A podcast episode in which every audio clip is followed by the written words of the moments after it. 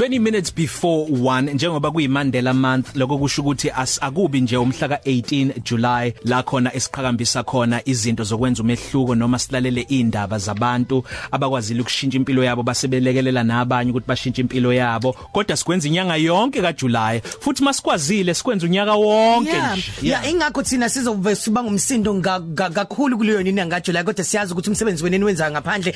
Um uwona nsukweni wenza unyaka wonke 365 24/7. Kunjalo. Yingakho Sinabahlobo nje- bethu, yes. Oh, okay, no it's fine. Um, Qhubeka babu ekhaya. yazi unogqozi kade uhambile vele ngiyakubona ufuna ukusakaza Studio. Oh, hi Shane. Silabahlobo bethu abaqhamuka esiphila ngomusa Community Development Organisation sanibonani bafethu anizothuleni nje ukuthi ningobani Sawubona mlaleli ekhaya wokhoze FM. Ngiyanibingelela self. Hello sweetie. Bingelela siya.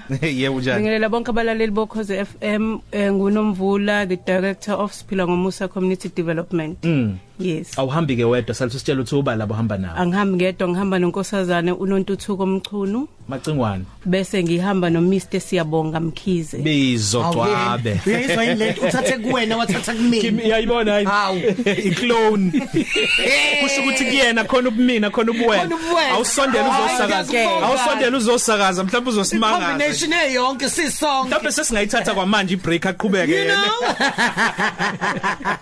siphila ngomusa kwenzakaleni lana usitshele ngalolu daba ikakhulukazi ngempilo yakho nezinto odlule kuzona kodwa kwakwazi ukuthi kube nesiphethe esihle njengoba usaqhubeka namanje Mm, isiphila ngomusa ibe khona from 1996 mm. kodwa yanga register ize register in 2006 Yeah. 1996 ila ngathola khona ukuthi nginegciwane leHIV mm. and then ngase sivula icompany company uthi misivule kwase kuvulwa neNGO and then iNGO iyona ke esiza abantu kakhulu abaningi kuFacebook siyaluleka eh, sibayise emakliniki siyabanakekela nje uma ukuthi useshonile siyakwazi ukuthi simnakekele sicomforte nefamily yakhe because usuke engomunye wethu ophila neHIV mm. eh, isiphila ngomusa inakekela nabantu abahlala emgaqweni mm. abaphila nesifo seHIV because nabo bawumphakathi mm. Asisho nje ukuthi w- w- w- wena wathola ukuthi eh, une HIV and asibuke i-support system yakho wena ukuthi wawunayo a- a- ngaleso sikhathi ngokwenzakalani even futhi nasemqondweni wakho ngase leso sikhathi. Mm, ukuzama ukuyibulala ngakuzama kathathu Sure. eh kodwa ngonkulunkulu kwangenzeka mm. isupport ngayithola kakhulu efamilini nasebandleni engangikhonza kulo yayikhona isupport although yayiba khona futhi ne discrimination ukucwaswa ne rejection mm. unganakwa ukulahlwa mm. ngoba ngikhumbula ukuthi ngangikwi worship team yebandla ngizenzela ialto nje ngoba ngiculi kakhulu mm. ngabizwa ngolesine nje lo mama ngangitshe ukuthi bazongikhulekela after disclosing kumama umkhokheli kanti bangibizela ukuthi cha sizocela ukuthi uphume ke manje kwi worship team because usuzothelela nabantwana bethu bathi Namanga. but ngiyabaxolela because eh sasingakafundiseki kakhulu in 1996 until kuze kushone uGugu Dlamini until kuze kuphume om- Musa osisimusa Njoko. njoko obala until kuze kube khona uNkosi Johnson Yeah. la la sabona khona ukuthi iHIV ngempela iyabulala itreatment ke ngiqale ngo2006 It was not easy. My CD4 count was 125 ngaleso sikhathi. Ngayiqala i-treatment yangisebenzela. Kwase kuba khona isikhathi la ngiyeka khona ke because uma si HIV positive siba nakho lokho ukuthi siyafisa ngelinye ilanga ukuthi sibe HIV negative. Mm. So ngahamba ngasave imali siya nawe sel. Ngahamba ngaye Nigeria almost 25000 engawusave. Fike Nigeria eh ngangalapheka because iHIV ayilapheki. Ngabuya lapha iCD4 count yami u minus 1. Hayi Musaki. Sure. Eh, i-viral load yami yamamiliyoni but ke ngibonga uNkulunkulu ukuthi ngasinda eh, udokotela wayebuza esibedlela ukuthi uhamba kanjani lo muntu because yanyuka iCD4 count after 4 days sengibuyile yanyuka after 7 days ngahlala u21 days entabeni hospital mm.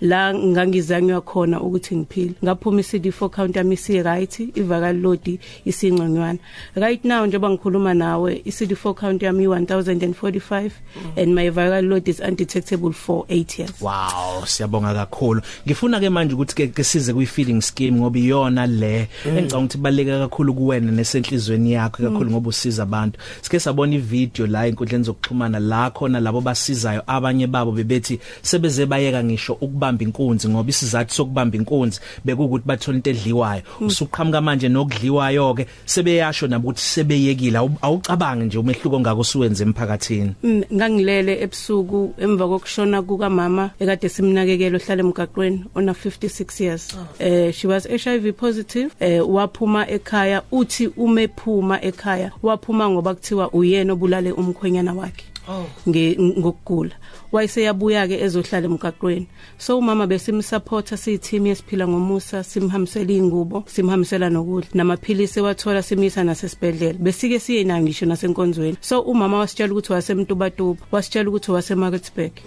Eh kanti sizothola sesimhambise esibhedlela eseshonile ukuthi umama wala eChesterville sasizwa ipage iLadies House la sakwazi ukuthi sithole khona ukuthi umama waku because safaka nesithombe sakhe halala halala ladies Ah. ha Bonke lezi zazi yazibuyisize oh. ibuye bazoku bazokutata Mayungikhathekeleni sama girls so. Cha yasiza kakhulu siyabonga.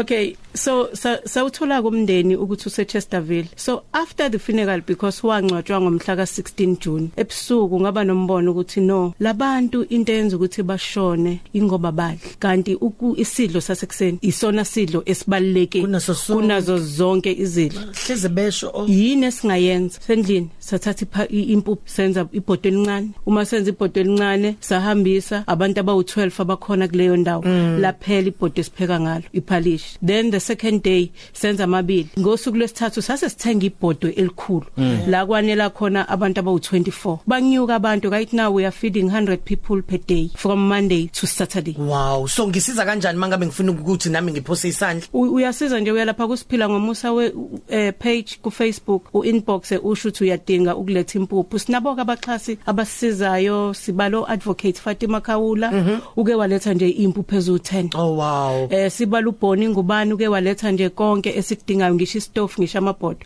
so anyone can donate kasiphila ngomusa because sisiza wonke umphakathi elokugcina ngci ngisanda ukuthola ukuthi ngine HIV positive angazi ukuthi ngizokhuluma nobani kuphi kanjani or kuhambe mhlawumbe ngizoya kuphi nendawo and ngiyasaba ukuthi ngitshele umunye umuntu seceleni ngenxa yokuthi sesaphila kwi society enje manje wenza njani uthini ungathini kulowo muntu loyo eh thatha nansi number us us WhatsApp wenza ivoice note sizokhuluma nawe and sizophendula kuwena ithi